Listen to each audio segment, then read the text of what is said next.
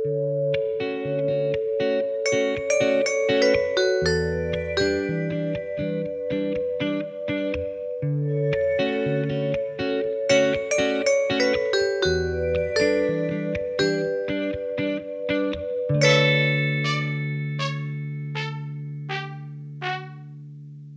velkommen til Trans-Norge, en podkast om transpersoner. Lagd av PKI Norge, pasientorganisasjonen for eh, kjønnsinkongruens. Har vi egentlig nok forskning til å si noe om langtidseffektene av kjønnsbekreftende behandling? Hvem er VPAT, og hva betyr egentlig Standards of Care? Dette er noen av de spørsmålene du får svar på i denne episoden av Trans-Norge. Jeg heter Luka Dalen Espeseth, og i dag har jeg fått med meg en gjest som kan mer om retningslinjer og ymse annet enn meg selv. Velkommen. Hei, Luka. Eh, takk. Takk skal du ha. Hyggelig å være tilbake her. Eh, Ikke, ikke i podden, men hos deg. Hos meg. Ja. Eh, ja, du har vært der før. Jeg vet hvem du er. Det vet Ja. lytterne. Fortell. Hvem er du? Jeg heter Karo Kirsebo. Jeg har um, eh, kjent Luka lenge. Skal vi begynne der? Ja. Kjent deg siden du var sånn babyaktivist. det er du ikke lenger. Du har kjørt forbi meg for lenge siden. jeg holder på å oversette Standards of Care. Det var vel det, derfor jeg inviterte hit i dag. Eh, dette er nummer åtte som er ute nå. Jeg har oversatt også nummer syv for ti år siden. Um, hva ellers? Jeg er 46 år gammel. Jeg har en doktorgrad i pedagogikk med masse sånn kjønn- og seksualitetsfokus, blant annet. Etikk og sånn. Um, ellers så har jeg vel inn og ut jobbet med kjønn og trans og tilliggende ting i 23 år, kanskje. Mhm. Noe sånt noe. Ja, mener mye om alt. Jeg får veldig lyst altså jeg, skal, spørre om to ting, men jeg har veldig lyst til å si at du var biveileder på masteren min. Ja, Ja, det var jeg også. For det er selvfølgelig veldig viktig for meg. Det Ok, er viktig, for meg, og der var du veldig flink. Takk. Og fikk selvfølgelig en fryktelig god karakter. Fryktelig god karakter. Ja, Veldig det var gøy. Så vanligvis på podden så pleier folk å si pronomen. Hva har du å si om pronomen? Vel, jeg har eh, sagt at jeg ikke liker å bli pronomert i omtrent snart 20 år. Så foretrekker bare navnet mitt, som jeg har valgt selv. Så sånn er det. Bare Karo. For, for eksempel eh, min datter, så er jeg forelderen min, for eksempel. Sånne ting. Eh, ja, ikke noe, ikke noe kjønning, helst. Nei, skjønn kan jo være ganske slitsomt. Ja, Så du, du har jo egentlig allerede sagt det. Du oversetter Standards of Care. Eh, og for lytterne våre så tenker jeg at du skal få lov til å starte med å forklare hva er Standards of Care? Vel, det er jo retningslinjer for eh, eh, ja, helse, helse og omsorg, kalte vi det sist. Er egentlig ikke det. Nå har jeg skrevet om, nå prøver hele teksten å være så omfattende i sin eh, tilnærming til hva eh, folk skal få hjelp med. At jeg kaller det ivaretagelse istedenfor care. For det at de bruker care ca. 1500 ganger i den teksten. Og, jeg tenker at det er, det er en retningslinje for hvordan man skal ivareta eh, det trans- og, og kjønnsnormbrytende feltet av mennesker som trenger hjelp med det, på diverse måter. Ikke bare medisinsk behandling av noe slag, men alt det rundt også, at det er helhetlig eh, hele tiden. Og i eh, at man skal ha den forståelsen hele tiden. Da. Det er like viktig med pronomering som politisk arbeid, som, som uh, samarbeid og bare generelt ivaretagelse på veldig mange måter på en gang. Så det er det, det Ja, det er, det er en tekst som er Dette er nummer åtte. eh, Den åttende utgaven av uh, sånne retningslinjer som kommer fra VPAT. VPAT er altså World Professional Association for Transgendered Health. Um, og den første kom vel i 79, tror jeg. Det var ganske annerledes enn denne som er nå. Største forskjellen mener jeg at skjedde mellom seks og syv. Og syv kom for ti år siden. Eller elleve kommer vel den engelske.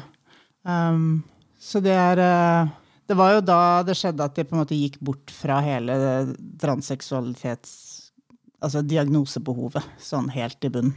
Men nå har de gått ganske mye lenger igjen i denne. Og det er fint. Og det er flere kapitler. Det er ikke dobbelt så langt, men nesten. Og veldig grundig. Mm.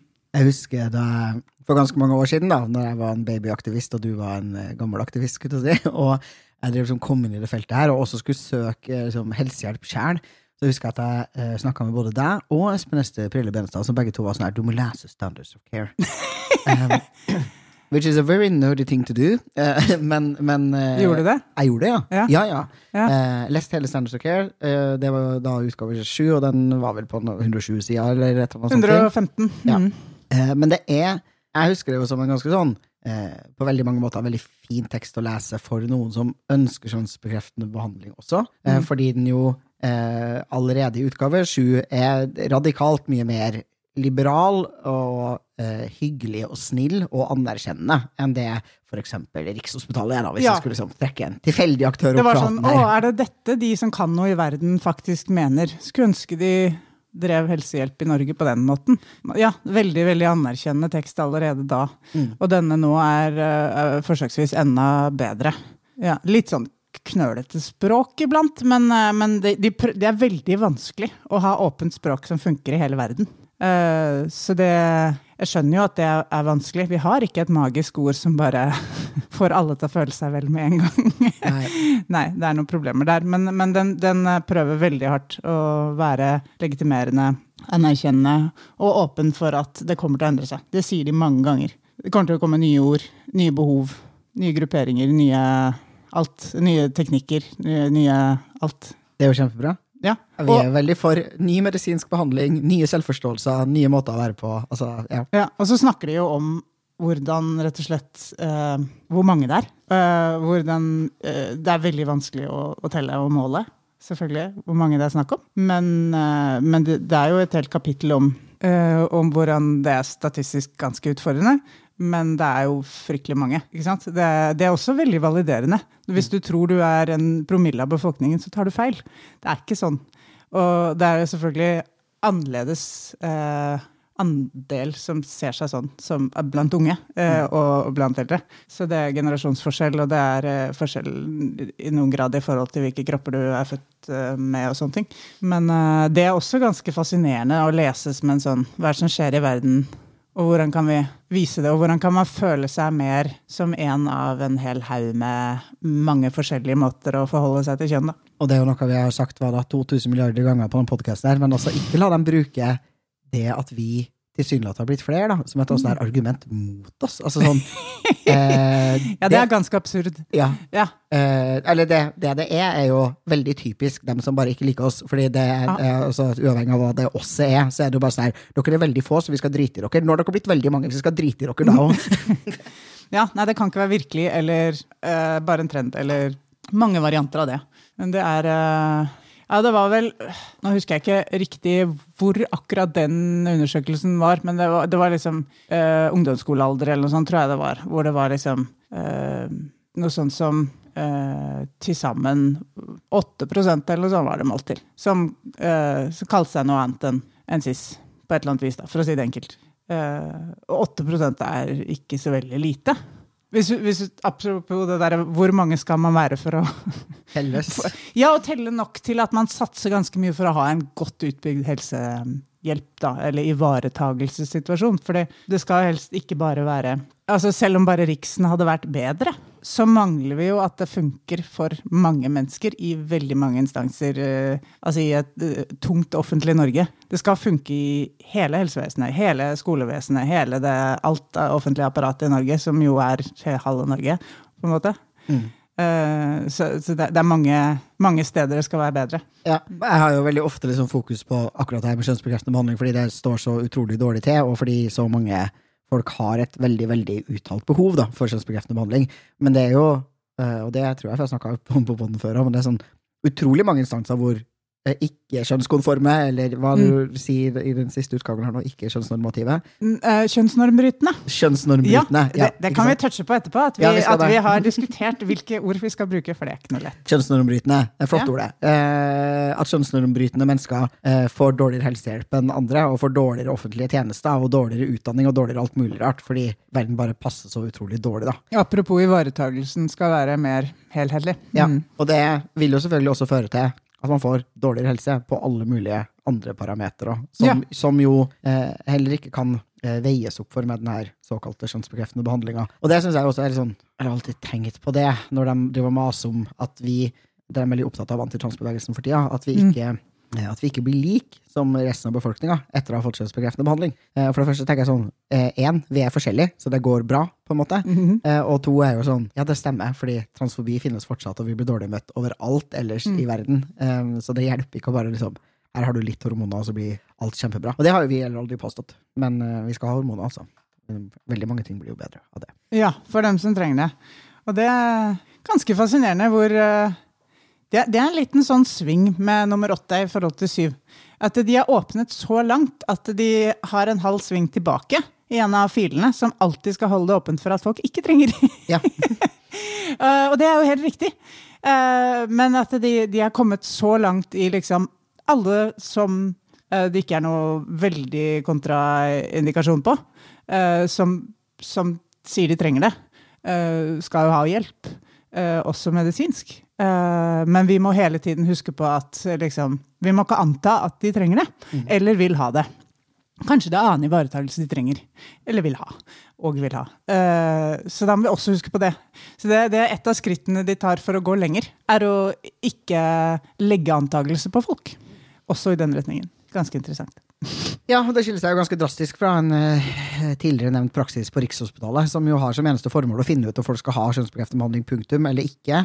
Om de er eller ikke? Ja, om de er eller ikke. Er du ekte trans, så skal du selvfølgelig ha. Da skal du ha alt. og men herregud, nå uh, spora vi litt av.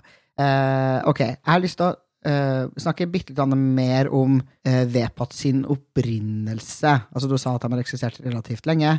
Mm -hmm. men altså, er, er, World Professional Association for Transgender Health er det det ypperste organet for helsearbeidere? Ja. ja. Det, er, det, er, ikke så veldig Det, det er ikke noe sånn god andreplass noe sted, eller noe sånt. Det er jo en europeisk variant, da. Det er det vel, Det er vel kanskje en asiatisk uh, Ja da, de har e-patt og litt sånn ja, ja. Men, men, dette er jo verdensvarianten. Uh, og den, når de beskriver prosessen de har med å gå gjennom all forskning som fins, og forholde seg til all forskning og sammenstille det og Altså, de har jo en haug med beskrivelser av bare metodologien i hvordan de skal bruke mest, forholde seg til mest mulig forskning fra hele verden. Og at det skal være mest tverrfaglig all inngangen til det. Sånn at alt er mest kritisk og sikra hele veien. Så blir, det er noe av det, jeg blir mest rasende for i alt det våsen som står i uttalelser uh, av diverse slag, er at det ikke fins forskning på dette. Mm. Jeg drukner i den jævla forskningen. Det er så mye forskning. Åh, så jeg ble bare sånn Stop it already! Det, jeg kan vise deg forskning. Jeg kan vise hvilken side, jeg kan vise hvor det står hva, og det står opp og ned og mente. Så det er bare tull. Det er 70 siders referanseliste med forskning. Og det er sammenstilt og punktvis og, og utdypet og alt mulig rart. Så det er eh, forskning som sier at dette er viktig og riktig og bra, og det er medisinsk nødvendig, og det er det å, det å ikke behandle hvor uetisk det er i forhold til liksom, medisinsk etikk, og det er uh, f.eks. det å hindre noen uh, Altså, det, det er jo alle slutninger de kommer til, er jo forskningsbasert og, og, tverrfaglige hele veien. Og tatt i 17 omganger. Det er, uh, det er bare vås å si at altså, Det er noen som bare ikke vil at det skal anerkjennes at det er forskning, for de liker ikke svaret. Veldig frustrerende for meg, som, som sagt da, drukner i denne forskningen. Ja. ja. Ok, Så, så Standards of Care er basert på en slags faglig konsensus som er forskningsbasert på, på et vis? Ja, det er, sant, det er noen ting de da Detaljer som de kanskje ikke er enige om. Og da graderer de anbefalingene. De har noen ting som er, altså Forskjellen på en anbefaling og et forslag, f.eks. For Eh, hovedsakelig så er det anbefalinger. Noen steder så klarer de ikke å si det så sterkt som anbefaling, så sier de vi foreslår eller we suggest. Uh, og så er det noen ting som uh, de innrømmer at på veien til dette så var det usedvanlig mye uenighet innad i miljøet i verden. Så uh, det er kontroversielt innad i VPAT liksom, hva vi skal si ut av det her. Så er de, veldig, de er veldig opptatt av alt å være transparent kommunikasjon av hva de gjør. Da. Sånn at vi sitter jo med eh, Det var interessant f.eks. Hvordan, hvordan de forteller om Det er et helt kapittel om intersex.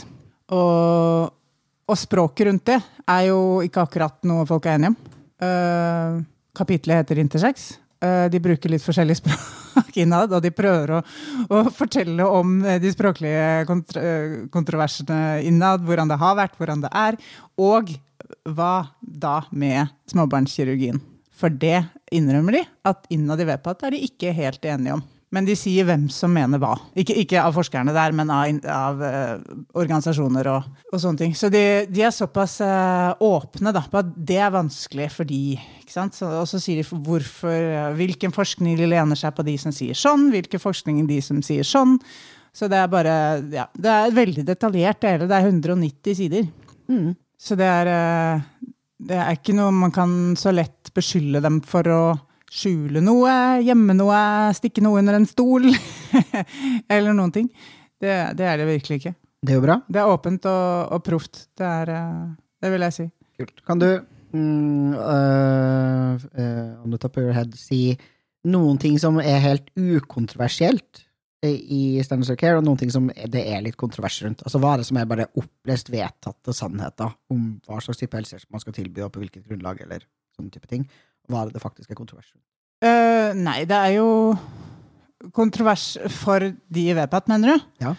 Nei, det var jo det. Det er noen som faktisk mener at uh, det er greit med småbarnskirurgi. Ja, jeg mente ikke på intersex spesifikt. For det, det, det, er det som står mest fremfor meg, liksom, at uh, det er det. Nei, det er jo Det er vel noen som har uh, litt uh, hmm, Det er vanskelig. Jeg tror kanskje eh, rent språklig, da. Nå er jeg litt sånn språkfilosof av meg. sånn at jeg uh, Det er nok ikke alle som er enige om hvilke ord de skal bruke for å prøve å favne befolkningen som har behov, som er standards of care-relatert. Eh, og også ikke helt gå videre fra å kalle det transforskning, som jo for noen ikke føles inkluderende. Mm. Uh, og så vil jeg si at det, det, er ikke alltid det er uttalt Akkurat på det der med språk så er det ikke alltid helt uttalt, uttalt uenig. Jeg har, jeg har, hørt av folk som har vært del av prosessen, at de har jo på en måte kranglet om hvilke brede uttrykk de skal bruke. og så har de noen, ja. Så Språklig er det noen uenigheter som er mer eller mindre uttalt. Mm. Men det som er helt sånn, likevel helt opplest og vedtatt, er jo at dette er eh, subjektivt definert. Mm. Så det spiller jo faen ingen rolle, nesten. Sånn jeg ser det, da. Eh, hvis det er noen som insisterer vi må fortsette bare å kalle alle trans, og så bare klarer de ikke helt å bevege seg ut og, og, og prøve å snakke noe bredere, da. Eh, men kanskje i det ordet så har de likevel alle menneskene. Eh, så jeg tror de mener det samme i forhold til hvor unge de skal være, de som skal få hjelp. Eh, hva det skal innebære. Hva som skal være involvert for at det skal være best mulig ivaretakelse. Eh, for altså, alle prøver å være veldig åpne, men de knoter altså, Det virker noen ganger som de er mer uenige enn de er, tror jeg. Fordi de rett og slett altså, Man husker på at forfatterne her er forskere fra hele verden. Mest såkalt vestlige land. Men ikke sant, en som er sveitsisk, snakker jo og skriver annerledes engelsk enn en australier. Eller en tysker, eller Ikke sant? Hvis vi skriver på engelsk alle sammen, så, så blir det ikke likt, da. Og så kanskje de baserer seg på forskning fra her og der, og, og så må de sammenligne folk som har selvidentifisert seg som whatever i Sveits, med folk som har selvidentifisert seg som whatever i Sør-Afrika. på en måte. Mm. Og, så, og hva skjer da? Uh, så, så det, det, virker som noe av teksten er liksom at det er uenigheter på hvem det er snakk om, men det er ikke egentlig det. Det er bare lokale uh, det, det, er jo det som er uh, som er liksom spennende med språket som brukes på det feltet, her, syns jeg, da, er at ja. noen ganger så har det språket du velger, veldig tydelige liksom, rett og slett sånn kliniske implikasjoner. Vi, vi har mm. valgt det språket her fordi det betyr noe for hvem det er vi tenker at skal få helsehjelp, og hvilken helsehjelp skal få. Mens andre ganger mm. så er det litt mer sånn semantics som handler om, om, bare, om anerkjennelse, og at folk skal føle seg vel da, i gjenkjennelse i språket, eller at de skal være liksom Ok, det her treffer meg. Eh. Ja, her er det jo ikke om hvem som er ekte og ikke. For det er egentlig bare folk som kommer og snakker om eh, behov for å bli sett, og mm. eventuelt hjulpet noe med kroppen. Eller hjulpet til å tenke på om de skal gjøre noe eller hva med kroppen. Uh, så det er uansett ikke en avkuttingssituasjon i, i VPAT. Uh, og det har det ikke vært på lenge. Det har det ikke vært siden nummer uh, seks, da. Ja. Ikke sant? Um, så det, det, det, har ikke den funksjonen, men det er ikke dermed sagt at ikke de som leser, tror at det har den funksjonen.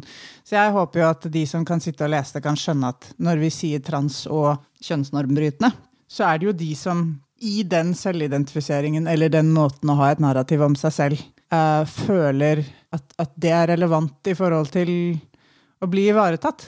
Mm. Og hvordan de blir behandlet i verden, og hva, hvordan det er relevant for dem i deres liv med uh, uttrykk eller rettigheter eller behandling av whatever slag på whatever tid. Uh, så uansett så skal jo det være ikke basert på hva de kaller seg. De kan kalle seg en blomst, liksom. Altså, det spiller jo ingen rolle.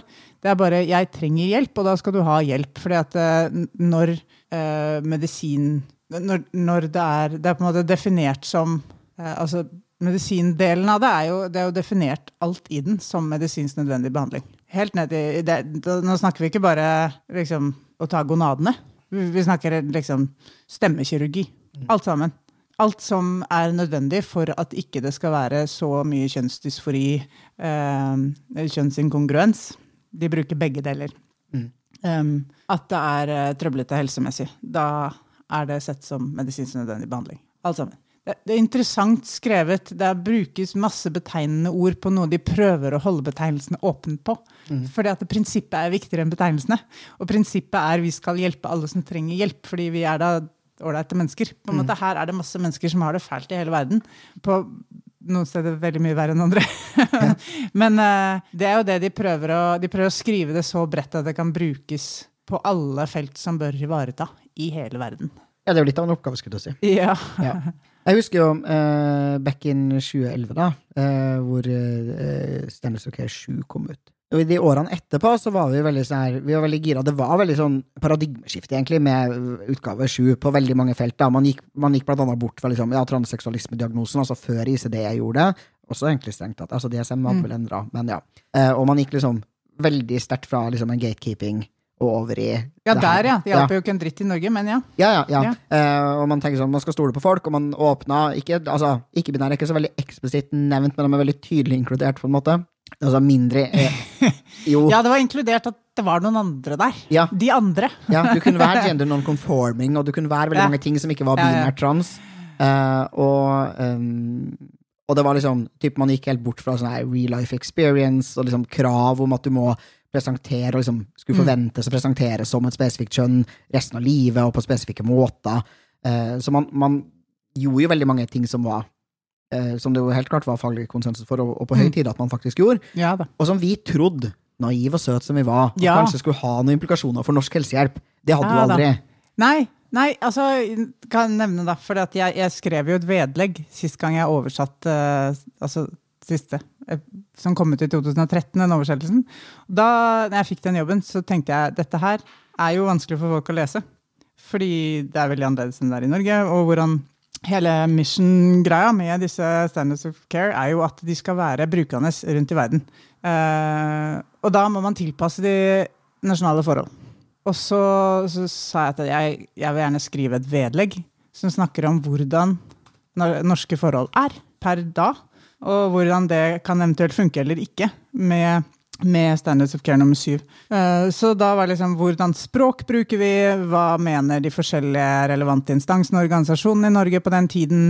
Uh, hva er det som er vanskelig med å bare bruke Standards of Care 7 som den står der? Så fin som den ser ut. Uh, hvor er motstanden, hvor er velviljen, hvor er uenigheten? Hva er det det ligger på? Og det må jeg innrømme, jeg leste i går. Jeg hadde ikke lest det på ni år. Mm. Ni-ti år. Uh, og ja, vi var litt naive. Det var litt sånn derre Her slår vi hardt i bordet med hva som er galt, og hvor lett det egentlig skal være å, å, å fikse det. Mm. Og der er, All forskningen var der allerede da. Eh, ikke fullt så mye som nå, men allerede da var det jo det. Det var, ikke noe over, uh, det var ikke noe stor liksom, kunnskapsmasse med sånn her De burde ikke gi kjønnsbekreftende behandling. Det har jo nei, aldri nei, nei. Man kan jo knapt vise til enkeltstudier som liksom ikke skulle gå i favør av å gi denne behandlinga. Nei, det er jo noe som ikke sant, det sammenlignes typer østrogenbehandling, f.eks. Som noe anbefales å ikke bruke. Ja. Anbefales absolutt å, å gi folk uh, hjelp med større bryster, så de ikke liksom injiserer seg med industrisilikon. Det anbefales også. Men det, det, er jo ikke det at de ikke skal få hjelp. Det er bare å passe på at de får god hjelp. Altså, vi, var, vi, var, kanskje litt naive, og det er litt artig, men det du mm. sier, fordi du nevner en ting som er ganske viktig for uh, sånn som Standard Care skrev, da, er det, det her med tilpasning til nasjonale forhold. Og det må jeg bare si, altså det er jo en ting som uh, VPAT har skrevet inn veldig aktivt, fordi man jo, som du sier, mm. man er vestliglandstung i, i det her uh, systemet, og man har en eh, såkalt verste, da, forståelse av kjønn og seksualitet og kjønnsbekreftende behandling og medisin.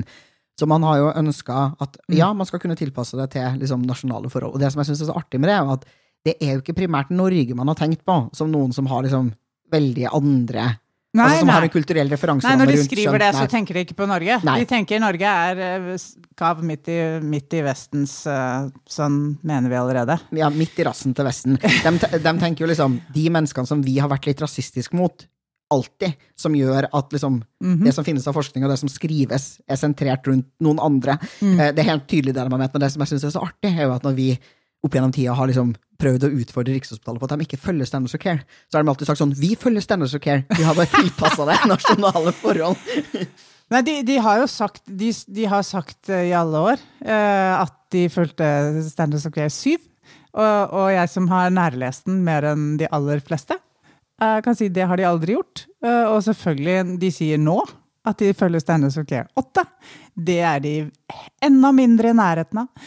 Eh, de, de, man trenger en, kun kanskje én setning i Standards of Care for å bevise at de ikke følger Standards of Care. Sånn referansemessig. Det er sånn, se på denne setningen her, så undergraver det alt Riksen gjør. Dere følger ikke verdens konsensus eh, på, på helse Altså forskningsbasert konsensus på hva som skal gjøres. Og, og det å si det er noe av det mest uh, uh, Det er en blanding av liksom ord som arrogant og ignorant og um, jeg, jeg har ikke Jeg har masse stygge ord. Men det er jo ganske forferdelig at de kommer og claimer at de bruker noe. Og så sier de det er vi som er ekspertisen i landet, så når vi sier at vi bruker det, så bruker vi det. Som om jeg eller noen andre ikke kan lese. Vi, vi har det der. Det er der. Det er 190 sider, og de følger det ikke i det hele tatt. Eh, så det å komme og si offentlig at vi følger det, det er stygt, ass. De burde pokker ikke få ha noe eh, legelisens, noen av dem. Apropos. Dagens disse Riksen. Ja, jeg er helt enig, og det du um, Jeg er selvfølgelig helt enig.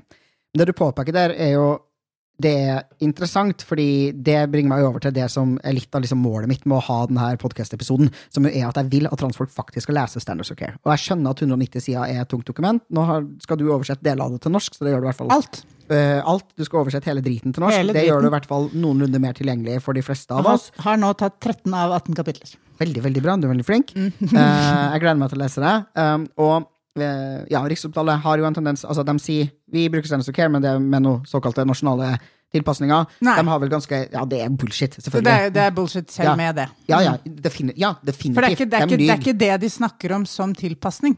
Når, de, når, når Standards of Care snakker om tilpasning, så er det liksom Hva er det man har midler til? For eksempel, masse land som ikke har penger til dette. Eh, og, og, og tilpasning er Vi må bruke kultursensitivt språk. Identitets, lytte til identiteter og spesifikke ting som er behov i den identiteten i det landet. Det er veldig tilpassa. Du, kan ikke- du kan ikke si Er du ikke-binær eh, på bygda i et eller annet sted som aldri har hørt det ordet? Det er helt tullete. Uh, men ja, penger, helsevesen, sånne ting. Tilpasning av prinsippene rundt egendefinering. Prinsippene rundt samtykkekompetanse. Det skal ikke tilpasses, altså. Nei, nei. Det er ikke det, det, det Nei. De kan ikke tilpasse ved å bare Vi legger den under bordet og tråkker på den. Det er det de gjør. Nei, og det er jo det som er den her ypperlige arrogansen til Riksopptalet. De både overser Standards of Care, som de jo for så vidt ikke er lovpålagt å skulle følge i Norge, men det de jo er pålagt å følge, er jo de nasjonale eh, veiled... Altså, nasjonal Faen den heter. Nasjonal veiledning, nasjonal veileder for behandling ikke. av kjønnsinkongruens Og, sånn. Ja. Og den er jo, eh, for det første så er den jo den er veldig mangelfull. Den burde jo bare lagt seg tettere opp mot Standards of Care, og så mangler den det man jo snakker om som er sånn tydelig klinisk praksis eller kliniske retningslinjer, den også. Men der også er jo Riksopptalet Der har vi faktisk bare innrømt sånn, vi følger den ikke. Vi mener at den ikke holder mål, så vi følger den ikke. Og det er Mm. det de også sier med liksom Standards of Care. Jeg tenker sånn, på et eller annet tidspunkt, håper jeg da, og det her har jeg jo trodd siden 2011, men på et eller annet tidspunkt så må jo noen bare si men Rikshospitalet, dere, dere er en, en slags bitte liten øy, alene i havet. Det er ingen andre som er enig med dere, annet enn liksom folk som ikke er helsepersonell, som hater transfolk på internett og Twitter. ja og styret jobber rest, kanskje. Ja, styret og RS. Altså, det er som det er, det er helt absurd å leve i en verden hvor liksom det finnes det, det er Jeg føler at liksom, transdebatten blir liksom likere og likere eh, debatten om klimaendringene. For det blir sånn noen klarer å hoste opp noe forskning om at det ikke skjer klimaendringer, og at de ikke er menneskeskapt. Men det er jo vrangforestillinger. Ja, det er akkurat det det er. Det er, sånn- det er, den det er ikke Altså, hvis du skal Hva, hva er vitenskap og forskning og redelighet og alle disse tingene, da, innen uh, Dette er jo fagfelt, og det er liksom tunge myndigheter og sånne ting. Og så bare gjaller de. Det er ingenting saklig ved det. De kan ikke både lene seg på definisjonsmakten de har som eh, tredjelinjetjeneste og ekspertnivå og sånne ting, og, og tillegge det masse vekt. Men ta bort alle de tingene som definerer ekspertkunnskap. For det handler om eh, at du er etterrettelig forskningsmessig på alt mulig rart. Så hvis jeg, hvis jeg sa OK da, Riksen, hvis dere skal eh, Hvis dere kan bevise ikke sant? Med eh, referanser fra deres eh, instrukser eh, liggende på Riksens kontor. Hva her, sånn og sånn og sånn og sånn, og sånn 17 punkter, følger vi Standards of Care. Referanser, sider, sitater. Eh, så burde de kunne gjøre det. Fordi de er en redelig vitenskapsbasert uh, tredjelinjetjeneste, og de, vi er ekspertene i Norge. Hvis de kunne gjøre det, men det kan de ikke. Jeg kan være den som skriver under på at det kan de ikke. For det er ingenting i de 190 sidene de kan referere til som beviser at de gjør noe riktig i det hele tatt. Og da er hvorfor i hula heite får de lov til å ha definisjonsmakt som en faglig øverste myndighet? Det har jeg jo lurt på hele mitt liv, og jeg tenker jo at ja. Eller sånn, det koker jo ned til transfobi, eh, og at eh, når de først har fått den rollen, så blir alle som sier imot dem, bare stempla som rabiate transaktivister, og så blir folk alle andre som ikke har kunnskap eller kompetanse til å motsi dem, men som skal liksom finne ut hvorvidt det de gjør, er riktig eller galt, av byråkrati, byråkrati og myndigheter. De bare sier sånn ja, det høres jo fornuftig ut, det de sier. Og når Riksopptalet sier vi er fagkunnskapen, og det er veldig veldig viktig at vi ikke gir kjønnsbekreftet behandling, og det er veldig veldig viktig at vi Ja, gatekeeper deg veldig hardt. Vi er de som tar vare på transfolka, og vi vet best, og dermed så. Uh, men for, for meg, nå stikker jeg hodet ut her, for meg er Jeg har uh, annen, annen faglig bakgrunn enn deg. Um, for meg er det ikke primært transfobi. Det er noen som er uh, ravende tullebukker uh, i media.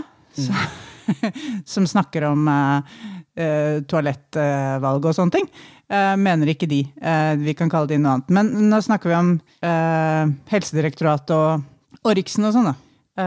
så tenker jeg at her er det noe sånn diskursdynamikk her som gjør at det, hvis man bruker språk på én måte, så utelukker det noe annet. Ikke sant? Sånn at hvis Nå leste både du og jeg den rapporten som kom den som du sendte meg, som, som kom i går, hvor det er noen som har fått jobb i Helsedirektoratet. Nei, det kom Hva heter den for noe? Ukom? Nei, hva var det? Ukom, ja. Ja. En rapport om hvordan står det egentlig til, hvordan klarer norske helsevesen å ta vare på unge med kjønnsinkongruens. Og så har, du, har de da laget en rapport på dette. Og så er det helt tydelig at de har sittet og snakket med Riksen. Det må de ha gjort. Det er bare Riksopptalet og Genid og et par andre gærne transfober de har snakka med. Ja, det er jo, det er jo saklig. Og så skriver de en rapport på hvordan det står til. Og det, det er sånn øh, Og så får man ikke når, når folk er redde for å si Altså hvis, hvis det defineres som Det er, det er veldig logisk, da. Eh, det defineres som innenfor liksom, Det er transomsorg og fint og flott å si det. Riksen sier 'vi er snille', og da er det som ikke er Riksen, slemme for dem. Og da er det det for de som må Altså de som har som arbeidsbeskrivelse da, å skrive sånne rapporter. Og jobbe i Helsedirektoratet og Helsetilsynet, Helsedepartementet. ikke sant? De, de sitter der og har ikke sjans, for det fins ingen plass i virkeligheten for å uh, være on the good side, annet enn de som allerede har definert hva som er the good side. Jeg tenker jo at De sitter jo ikke aktivt hater på transfolk. Nei, jeg tror, altså Min definisjon av transfobi er bare én og veldig mye bredere. Og det, Ja. min definisjon av transfobi er også liksom, å leve i en Det som har transfobiske konsekvenser, eventuelt. For det har det jo. Ja, og det er bare det å leve i en verden hvor forståelsesrammene og hele diskursen da er så transekskluderende, så transusynliggjørende, så lite tydelig prega av transfolk sin levde virkelighet, da, hvis man Absolutt. kan snakke om det. Det er for meg transfobi, liksom. Og det er bare mulig i en verden Ja, som er ørlig transfob. Ja, vi, lever der. i en trans, transfob verden. Uh, men jeg tenker at whoever fikk oppdraget å skrive den rapporten fra Ukom, Ikke, ikke nødvendigvis hate på noe som helst. Bare ha gjort en jobb og fått en arbeidsbeskrivelse. Gå og snakke med de som har øh, De som vet dette her, og så her har du Riksen øverst på lista. Det, Ja. det er sånn du finner ut av det. Og så er det arbeidsbeskrivelsen, og så er det bare å ja, ok, da, dette visste jeg ingenting om, nå skriver jeg den ned, og så sender jeg ut den rapporten, og så har jeg gjort jobben min. Ja, det er veldig spennende. Altså, Vi skal ikke snakke så mye om den rapporten, den kan folk lese inne på siden deres hvis de vil, men det er jo litt sånn artig også, for de bare i en sånn case de tar opp, for eksempel snakker om sånn Nå bekymra foreldre til en øh, voksen person i begynnelsen av 20-åra som de får noe behandling, og så har de liksom snakka litt om det, var bekymra, og det var ikke bra. Og så bare tenker jeg sånn, hva er det som har fått dere til å bare ikke spørre denne personen, det her voksne mennesket, om hva de syns om den Mm. behandlinga de får? De har liksom bare Mm. basert seg på og da tenker jeg sånn, det er der transfobien kommer inn for meg, da, fordi jeg er bare sånn, det å dehumanisere, Det er jo umyndiggjøre en transfiendtlig infantilisere kultur vi bor i. transfolk så masse, liksom, at du bare Ja. tenker sånn, 20 år Ja, ja. gamle transfolk kan ikke vite hvem de er. Alle andre, cis-folk er voksne når de er 20, transfolk er ikke det. Ok, så jeg har, um, jeg har tre spørsmål til. Uh, og det første er liksom, uh, jeg vil at du skal ramse opp liksom hovedpunktene på nytt. Altså sånn, hva er det, hva er det faktisk Ernest Care sier? Og nå må du liksom tenke at transfolk som liksom hører på det her, kan være liksom transfolk som eh, aldri har tenkt over det, eller som er på riksen, eller som tenker at gatekeeping er ok, eller at det er viktig med utredning. Da kaller vi det nok ikke gatekeeping, men ja, jo! um, ok. Eh, det som er jo gjennomsyrer hele greia, er jo at dette er noe som folk skal definere selv. De skal komme og kunne komme og be om hjelp. De skal ikke trenge å vite hva de trenger engang. De skal kunne komme og spørre om hjelp til å utforske hva de trenger. Eh, og da skal de møtes med eh, åpne sinn og gode språklige tilretteleggelser. ikke sant? Hva, hvordan ønsker du å bli snakket til, snakket om, registrert? Hva tenker du nå? Ikke sant? Nå tenker jeg at vi skal snakke mye sammen. eh, og så skal vi finne ut av kanskje hvem andre vi skal involvere tverrfaglig. Altså, dette skal være veldig sånn Jeg skal hjelpe deg som en guide gjennom en prosess hvor vi skal finne ut av hva du trenger i livet ditt. Eh, så det er, det er veldig flott. Og uansett hva pokker folk vil kalle seg, eh, og om de vil ombestemme seg mange ganger på whatever deler av dette underveis, helt fint, eller gå og komme tilbake igjen, det er også åpent. Eh, Det, når det gjelder, eh, de har lagt i et kapittel som heter psykisk helse, som er helt på slutten, Uh, som jeg foreslår at folk kan lese. Uh, jeg kan foreslå hvilke kapitler som er Det er 18 kapitler, men uh, der er det snakk om uh, Dette med psykisk helse er jo sånn at uh, de er veldig klare på at å nekte noen hjelp av den psykiske helsen de har, er jo fryktelig medisinsk uetisk. Det er veldig bevist opp og i mente at den psykiske helsen blir bedre ved behandling. Så å si at øh, hvis du er for deprimert, så får du ikke behandling, så ja, vi skjønner her, vi som hører på dette, at øh, det er ganske baklengs. Og der er de veldig fordømmende i teksten at det er helt, helt uaktuelt. Um, så man skal definitivt bruke det som noe som hjelper på psykisk helse.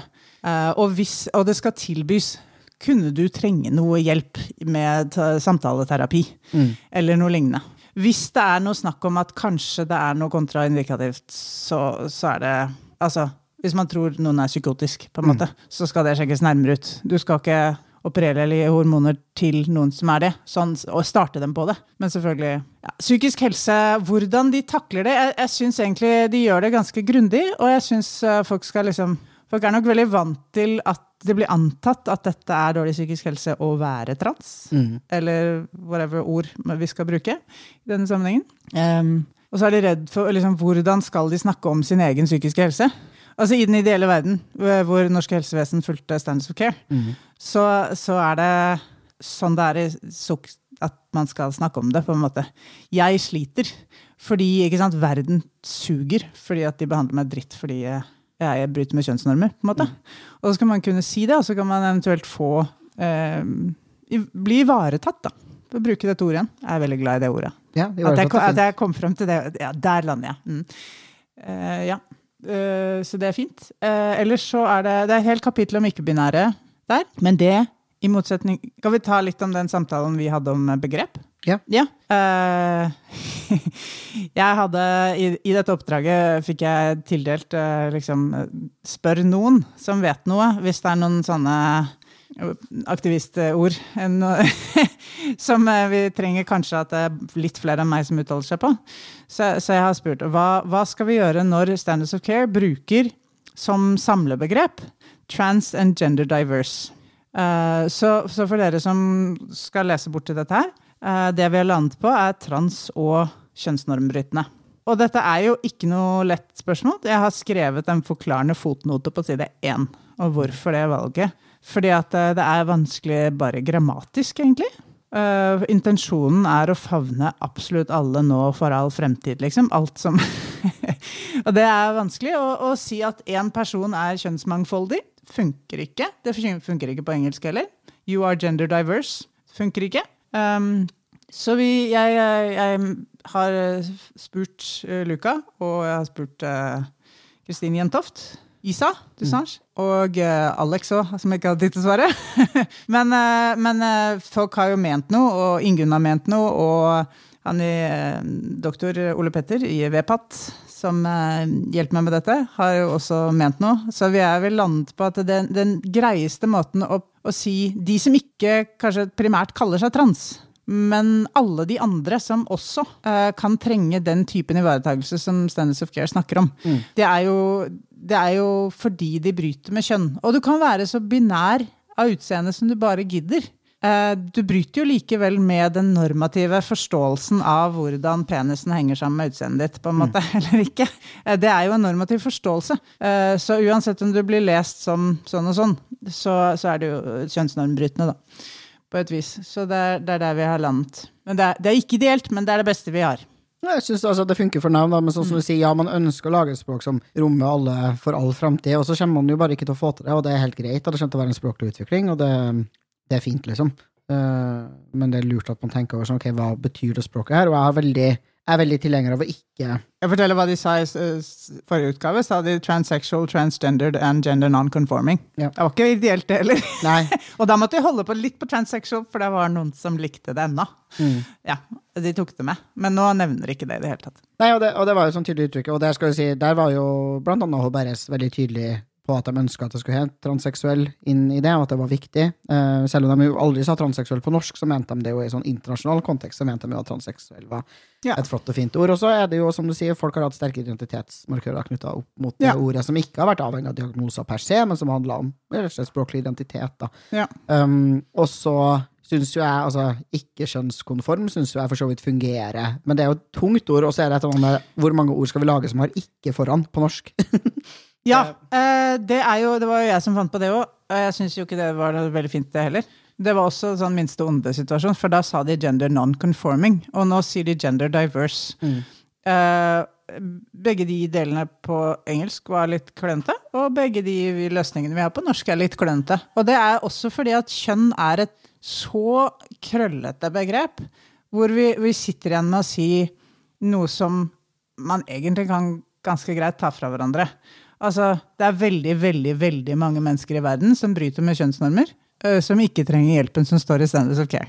Vi kan si 90% av befolkningen uh, minst er ikke spesielt uh, normative, hvis man går litt nærmere inn på dem. Altså Bare menn med langt hår er plutselig da kjønnsnormbrytende.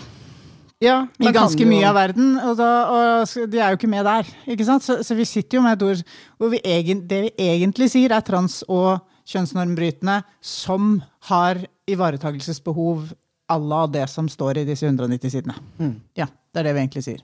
Det er litt langt å si hver gang. Så det er, det er en sånn TKN-variant som er trans- og kjønnsnormbrytende. Men jeg liker at man har prøver å gjøre det allikevel, fremfor å bare gå for den der for kjønnsmangfoldet. da.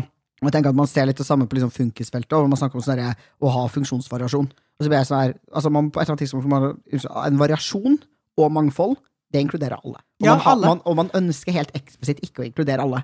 Alle ja. er en del av kjønnsmangfoldet. Ja, Hvis du kaller meg kjønnsmangfoldig, da.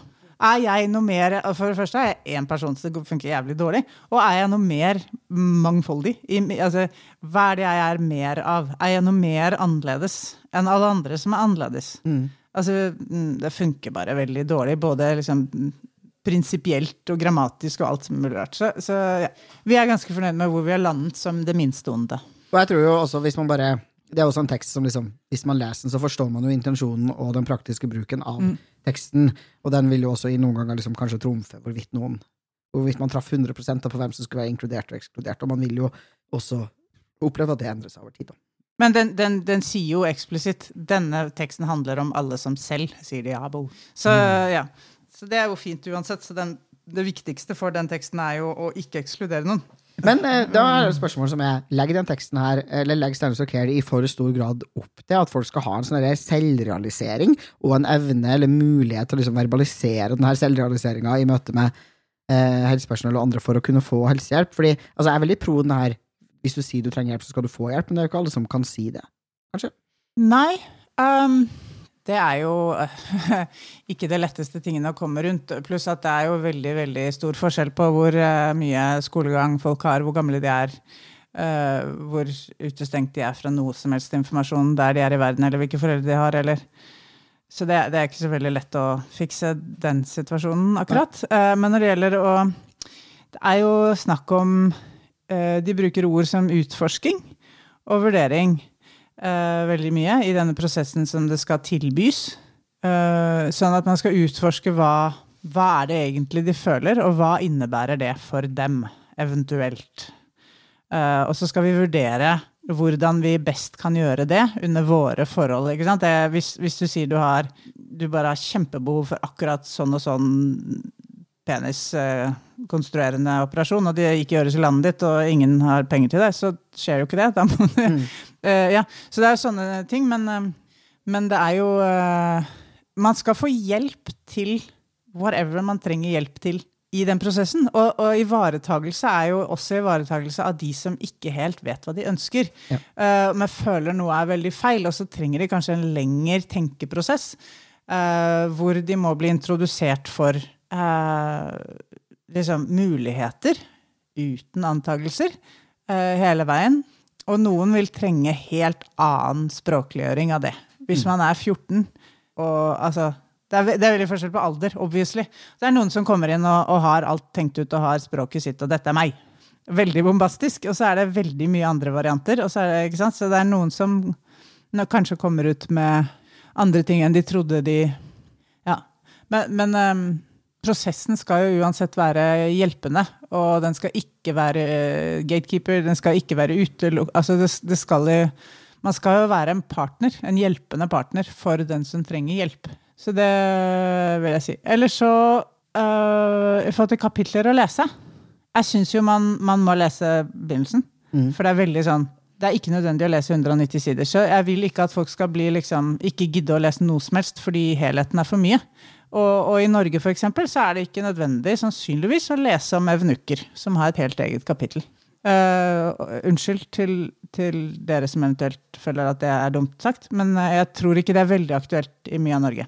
Og, og, du trenger kanskje ikke å lese om intersex hvis ikke det er aktuelt akkurat for deg osv.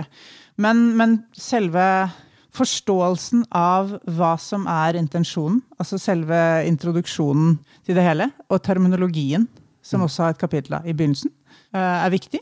Og så f.eks. Hvis, hvis det gjelder ungdom, da, så leser du kapittelet om ungdom. Hvis det gjelder eh, ikke-binære altså Ungdom, det er vel kapittel seks, tror jeg. Mm. Ikke-binære, kapittel åtte. Eh, så, så, kan du jo sikte på de tingene som er mest relevant for deg. Og så syns jeg som sagt i sted, at det er veldig lurt å få en forståelse, å og få den validerende opplevelsen som Lukas snakket om i stad. Lese kapittel 18, som, som virkelig understreker at dette her er jo ikke psykisk sykdom, men hva har mental helse med dette her å gjøre? Og hvordan kan vi møte det som en ting som Hvordan kan vi manøvrere i en verden hvor veldig mange syns det er det, og vi ikke skal synes det er det, men det er ofte at man har psykiske helseissues pga. hvordan det er å leve sånn i verden. Så det, jeg vil si det er et validerende kapittel, og det er et nyttig kapittel å liksom slå litt i bordet med. Øh, hvis man skal kunne si til fastlegen sin, da. Les dette her, ikke sant. Jeg, ja, jeg trenger det. Jeg trenger det på grunnlag av hvem jeg er, men ikke på øh, hvem jeg er, men hvordan. Ja, jeg er deprimert. Jeg har angst. En del av denne prosessen jeg trenger, er at jeg også får terapi. Ikke fordi jeg er, men fordi det er fælt for meg å være den jeg er når folk, når familien min og livet og jobben og Ikke sant? Uh, sånn at de, de kan um, Jeg syns det er et hjelpende kapittel. Mm. Også et kapittel om seksuell helse. Uh, I det hele tatt, ser vi innholdsfortegnelsen. Velge ut eh, og ikke være redd for helheten, for det er mange sider. Jeg håper den kommer i sommer, kanskje, at vi klarer å ferdigstille Det har vært nydelig. Jeg er veldig Altså, tenker, ja, mange i Norge kan jo engelsk, og det finnes jo på engelsk hvis dere har lyst til å lese på engelsk. Så Ja. på engelsk, men altså, norsk er, er, er også gull, liksom. vpat.org. wpath.org. eh, og på første siden der så er det, kan du klikke på SOC, Standards of Care. Og så kan du gå inn der og så kan du lese den på engelsk. De fleste klarer det helt fint. Um, grunnen til at vi nå oversetter den til norsk, og jeg har fått denne jobben, er jo at vi sliter. Ikke sant? Så veldig med å få folk til å tenke at dette er legitimt. Så når Riksen påstår at de bruker den, og når Helsedirektoratet og Helsetilsynet bare tror at Riksen vet hva de snakker om når de sier at de bruker den, osv., så, videre, så må vi bare Ok, nå må vi ta dette på norsk. Klar tale, så mediene kan sitere korrekt fra norsk. Eh, den, dette, oversettelsen blir jo også godkjent av VPAT-folk som kan norsk og engelsk, og er del av prosessen. Sånn at eh, det er jo for å gjøre det enklere å bruke det. Enklere å slå i bordet med. Dette er det som er den forskningsbaserte internasjonale konsensusen. Eh, derfor skal vi ha det på norsk. Det burde være unødvendig, men det er faktisk Min jobb er fordi folk pokker ikke hører etter. Og, og liksom La, la, la, la, la, la, la, la, la. Dette fins ikke, for vi kan ikke lese engelsk! I don't know. Ja, Ja. Å, jeg håper Å gud, jeg håper at den gangen her så funker det. Jeg håper at liksom folk får det med seg, og at det blir en positiv endring i helsetilbudet på ordentlig, liksom. Men jeg syns den backlashen vi ser er ganske skummel, da, hvor Gud og hvermannsen plutselig har begynt å mene noe om kjønnsbekreftende behandling, og det, det var krise nok når det bare var Riksen og noen andre fagfolk som mente noe om det. Når Gud og hvermannsen også er på ballen, så blir det jo bare tull. Ja, sånn der samspillet mellom sånn der skrikende jodlekor i bakgrunnen av, av hatere, og sånn der helt la-la-la-la-la i, i profesjonelle Norge. Som bare ah, Vi klarer ikke å forholde oss til det, fordi at dette er så betent. Og vi har ikke forskning... Den rapporten eh, Ukom-greia bare Nei, vi har bare ikke forskningsbelegg for dette. Det er fryktelig vanskelig. Mm. Og, og noen sier eh, de voldtar folk på do. Bare Ja. Spennet mellom de. Det er en absurd verden å Det leve i, liksom. Helt absurd, hele greia. Og så er det egentlig så enkelt. Det er jo det. Eh, Etter sist gang, det, etter Standards of Care kom på engelsk den syvende, så kjørte jeg tror det var Skottland eller sånn. Så bare, Nei, Irland. Hvem var det som gjorde det? Skottland, Irland. Som bare Nei, vi bare implementerer sukk. Ja. Nå. På to måneder. Bare gjør vi noe grep her. Og selvfølgelig, Norge har penger. Vi kunne gjort akkurat det samme. Det er ikke himla vanskelig. Det er bare noen som bare står helt og spinner og bare Nei, vi har ikke! Vi, har ikke, vi kan ikke! Det er vanskelig, det er vanskelig. det er vanskelig. De klarer ikke å komme utenfor uh, uh, Ja. Det er, det er veldig stakkarslig. Og noe av det er uttalt hatsk, og veldig mye av det er bare at de klarer ikke. Det er veldig stakkarslig, det hele. Eh, du nevnte um, eh, i en bisetning i stad, så sa du uh, hvis du tar med det her til fastlegen din og viser frem liksom, det og det kapittelet, så kan du be dem om å lese og si 'jeg trenger det her'. Og det bringer meg til det siste spørsmålet egentlig i dag, som er hva er det konkret transfolk skal bruke det her til, annet enn å bli mer kunnskapsrik og mer liksom empowered på et eller annet vis, som man sikkert, sikkert står i Standards of Care, vil jeg tro, eh, å være i stand til å liksom hevde vår rett og bare vite hvem vi er, eller vite noe om hva slags helsehjelp vi burde få. Hva kan man konkret bruke det her dokumentet til? Kan man liksom vise det frem til fastlegen sin? Ja, det er jo detaljert nok til at det står eh, ganske mye om hvilke hormoner som skal gis og ikke gis, og hvor ofte man skal ta blodprøver og sånne ting. Mhm. Absolutt. Um, og, og hva slags forskningsgrunnlag det er for å ikke bruke sånne og sånne hormoner. og, og sånt. Så det, det kan man jo. Det er jo mange leger nå som er redd for å gi hjelp fordi at de tror at de ikke kan. Så det burde jo være mulig det, altså det er kapittel 12 om hormoner. Det er, ikke, det er ikke så himla mange sider, liksom. Man kan si er du hvis, hvis det er det du mener er problemet ditt, at du ikke vet noe og du ikke har tilgang til noe forskning på dette, dette er det kapittelet om den sammenstilte forskningsgrunnlaget på akkurat hormonbehandling i verden. Vær så god, her har du de ti sidene, liksom. Det er ikke, det er ikke all verden, og de ti sidene til og med er liksom kokt ned til 15 punkter eller noe sånt. Jeg vil jo edde Det ville jeg anbefalt folk å også liksom, eh, be fastlegen sin for eksempel, å lese de liksom, første kapitlene nå. Ja. Fordi, det med, fordi det jeg tror at det butter på når, når fastleger ikke vil skrive ut hormoner, er jo ikke at de ikke klarer å skrive ut hormoner, for det gjør de hele tida. Mm. Eh, de har den medisinske fagkunnskapen som skal til for å administrere det her kjempeenkelt. Ja, de, de problem. tror fremdeles at de må vite om folk er eller ikke. Ja, De må vite om Ja. folk er translike, og det føler de seg ikke kompetente. Og de tror at det er dem som skal ta avgjørelsen av hva som er riktig hjelp, og at det er dem som må bære ansvaret hvis det skal vise seg at det ikke blir riktig, og at det er ja, stor sjanse for det. så introduksjonen, som ikke er kapittel 1, men bare heter introduksjon, og så kapittel 1 som heter vel terminologi, som bare er for å det er litt enklere å lese. Og så kan de da, hvis det er hormonbehandling det er snakker om, hoppe til kapittel 12. Og hvis det er snakk om liksom, vurdering av ungdommer, så hopper de til det. Og der står det også der står det jo om pubertetsblokkering, Mm. blant blant annet. Eh, og så kryssrefereres det da til hormoner, den delen av det Mm. som er i kapittel 12. Mye kryssreferanser. Og for hver gang du går inn, for hver referanse det står, så kan du bare klikke på referansen, så hopper det ned i referanselisten, så kan du gå inn og lese forskningen. Eh, du kan finne Det fins i verden, på en måte. Det er ikke noe ikke tatt ut av lufta. Nei, så det Ja, det, det kan brukes, men du har helt rett. Les begynnelsen først. Les uh, abstract, som er en halv side først, og så leser du introduksjonen, som vel er tre sider, eller noe sånt, og terminologien er noen få sider. Og så kan du lese det kapitlet som du trenger å bruke. Der står detaljer. Det står også appendix helt bak, hvis du har lyst til å bare ha punkter med typer eh, kirurgi eller typer hormoner eller Eh, ja, jeg håper altså det, er jo et, som du sier, det er jo et ganske langt og kaotisk dokument på mange måter, og et litt kaotisk felt, men jeg håper at liksom folk forstår at det finnes en verdensomspennende organisasjon av helsearbeidere hvor det finnes 3000, 3000 medlemmer, tror jeg, så alle er proffe på transhelse i verden. På forskjellige måter. Og det finnes en faglig konsensus som betyr altså det finnes masse forskning Ja. som peker i samme retning, og hvor forskere Ja, ja. og fagfolk er enige om hvilken retning man skal gå i. Og det har vært lenge. Ja, kjempelenge. Og det her er samla i et dokument som er overkommelig, og som man kan lese, og som er den helsehjelpa vi burde hatt tilgang på, og at det er verdifullt for dere å vite og, og lese det. Det kommer til å føles validerende.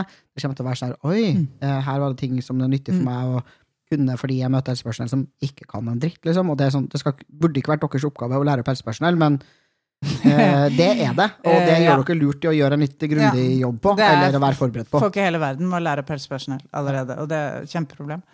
Jeg kan si at eh, de som er i Oslo og kan gå på helsestasjon for kjønn og seksualitet, så de bruker det jo alt. Tør faktisk å lese engelsk. Uh. Hvis du er under 30, da. Ja, under 30 og i Oslo, så, så bruker de det alt. Så det er, det er jo de som har ansatt meg for å, for, fordi de ønsker at dette skal være tilgjengelig for flere enn bare de under 30 i Oslo. Eh, Men selvfølgelig, alle andre leger i Norge også kan lese det på engelsk. Det fins allerede på engelsk, og det er ikke all verdens vanskelig. Nei. Og um, legen din har gått på universitetet i mer enn seks år og lest mange tekster på engelsk, så Ja, alle disse, alle disse medisinfeltordene, de er jo De kan lese dem. Det er latin, de fleste. Yep. det funker. Masse, masse hormonutgaver og sånn. Ja da, de klarer det. Så det er, det er egentlig Det føles nesten som at det, denne jobben gjøres fordi at det folk bare er sutrete og vanskelig. ikke sant? Og så er det medier. Ok, Skal Aftenposten si noe om hva som egentlig fins? Eller VG, Dagbladet, whatever. Eh, de burde også for så vidt klare å lese engelsk. Men, men nå skal det liksom være tilgjengelig sånn at også i det offentlige ordskiftet så skal det være tilgjengelig på norsk hva som er konsensus i verden på dette her. Jeg tenker at det er verdifullt. Og jeg tror at altså, sånn, For meg og deg så er det lett å si også at man liksom alle kan engelsk, men alle kan ikke engelsk. Liksom. Nei, ikke det. Det- nei. ja. Jo, de kan den typen engelsk i de, de prinsippavsnittene som sier 'hjelp alle for pokker', liksom. Ja da. Ja, ja, altså, jeg mener at helsepersonell kan Jeg mener bare sånn Ikke alle i Norge, liksom. Men ja. Nei, men, eh, men selv eh, Altså, det er veldig mange lesere av Dagbladet kan skjønne en oversatt liksom, de første setningene om hva dette handler om. Eller det at, at det fins en organisasjon, at de skal hjelpe alle, at konsensus har vært lenge. Det kan sies på norsk og refereres til en engelsk tekst. Ja. Det kan mediene klare å gjøre. Så dette står på side 1-3 i da, nederst i en artikkel i Dagbladet. Det er ikke så vanskelig. ja, og vi, altså, vi som er transaktivister, har jo brukt Stands Care veldig aktivt i Mm. skolering av oss selv og hverandre, og Ja. et sted å finne forskning og finne sammenstilling av forskning. Altså, Standard Care har vært nyttig, og det har vært nyttig at den finnes på norsk. Så den hjalp ikke helt på den måten vi håpet. Nei, altså Men den hjalp noe, på noe Ja. vis. Og kanskje denne også kan hjelpe på noe vis. Kan vi håpe på. eh, Takk for at du ville komme på podkasten og snakke litt om Standards of Care. Jeg er skikkelig fornøyd med deg. Veldig hyggelig. Ja, jeg håper du har syntes det har vært hyggelig. Det, ja, absolutt. Absolutt. Herlig. Ok, uh, ja, som sagt, tusen takk for at du var med oss i dag. Jeg heter Luka Dalen Espeseth. Takk til Martin for den nye Trans Norge-musikken. Og takk til klippeteamet vårt, som består av El, Mina, Noah og Andreas. Og takk til Thomas for grafisk profil til podden. Følg Trans Norge der du lytter til podkaster for å få med deg alle episodene av podden, og tips en venn om at vi finnes. Følg PKI på Facebook og Instagram, og vær så snill, meld deg inn i PKI på nettsida vår www.sjonsinkongruens.no, eller www.pkinorge.no.